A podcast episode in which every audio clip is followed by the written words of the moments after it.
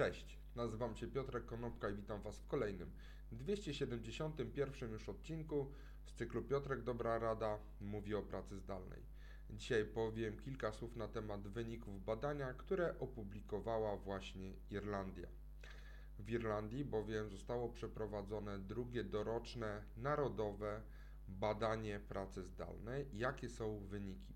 Przede wszystkim 95% pracowników, którzy byli badani, ma obecnie jakiś element pracy zdalnej e, w swoim otoczeniu.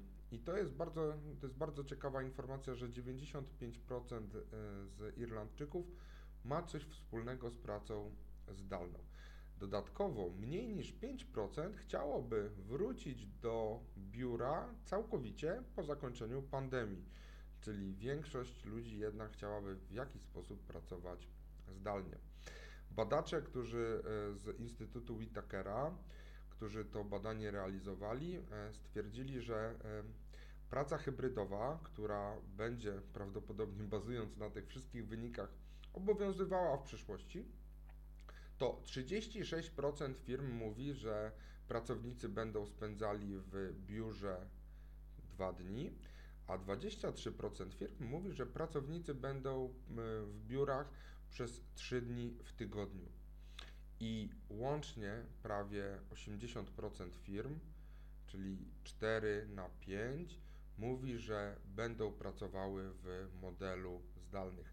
Natomiast e, bardzo dużo firm e, mimo wszystko jeszcze nie podjęło finalnej decyzji, bo 75% firm powiedziało, że jeszcze nie zdecydowali do końca, jak ci pracownicy, w jakim zakresie będą pracowali zdalnie i będą pracowali stacjonarnie.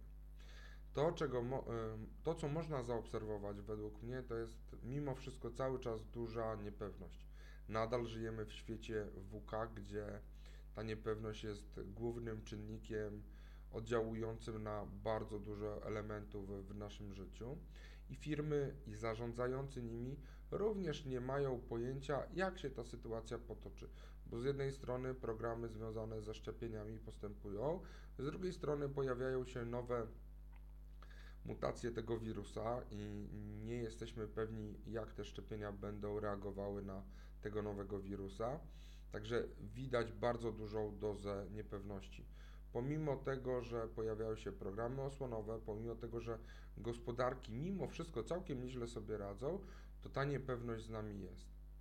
I tak jak e, e, pojawiają się coraz więcej, pojawia się coraz więcej informacji związanych z tym, że ta niepewność powoduje bardzo duże problemy psychiczne wśród e, ludzi, którzy pracują zdalnie, to apeluję do Was, Zadzwońcie do kolegi czy koleżanki, z którym dawno nie rozmawialiście i zapytajcie się tak po ludzku, czy dobrze się czuje. Dzięki serdeczne, do zobaczenia i usłyszenia jutro. Na razie.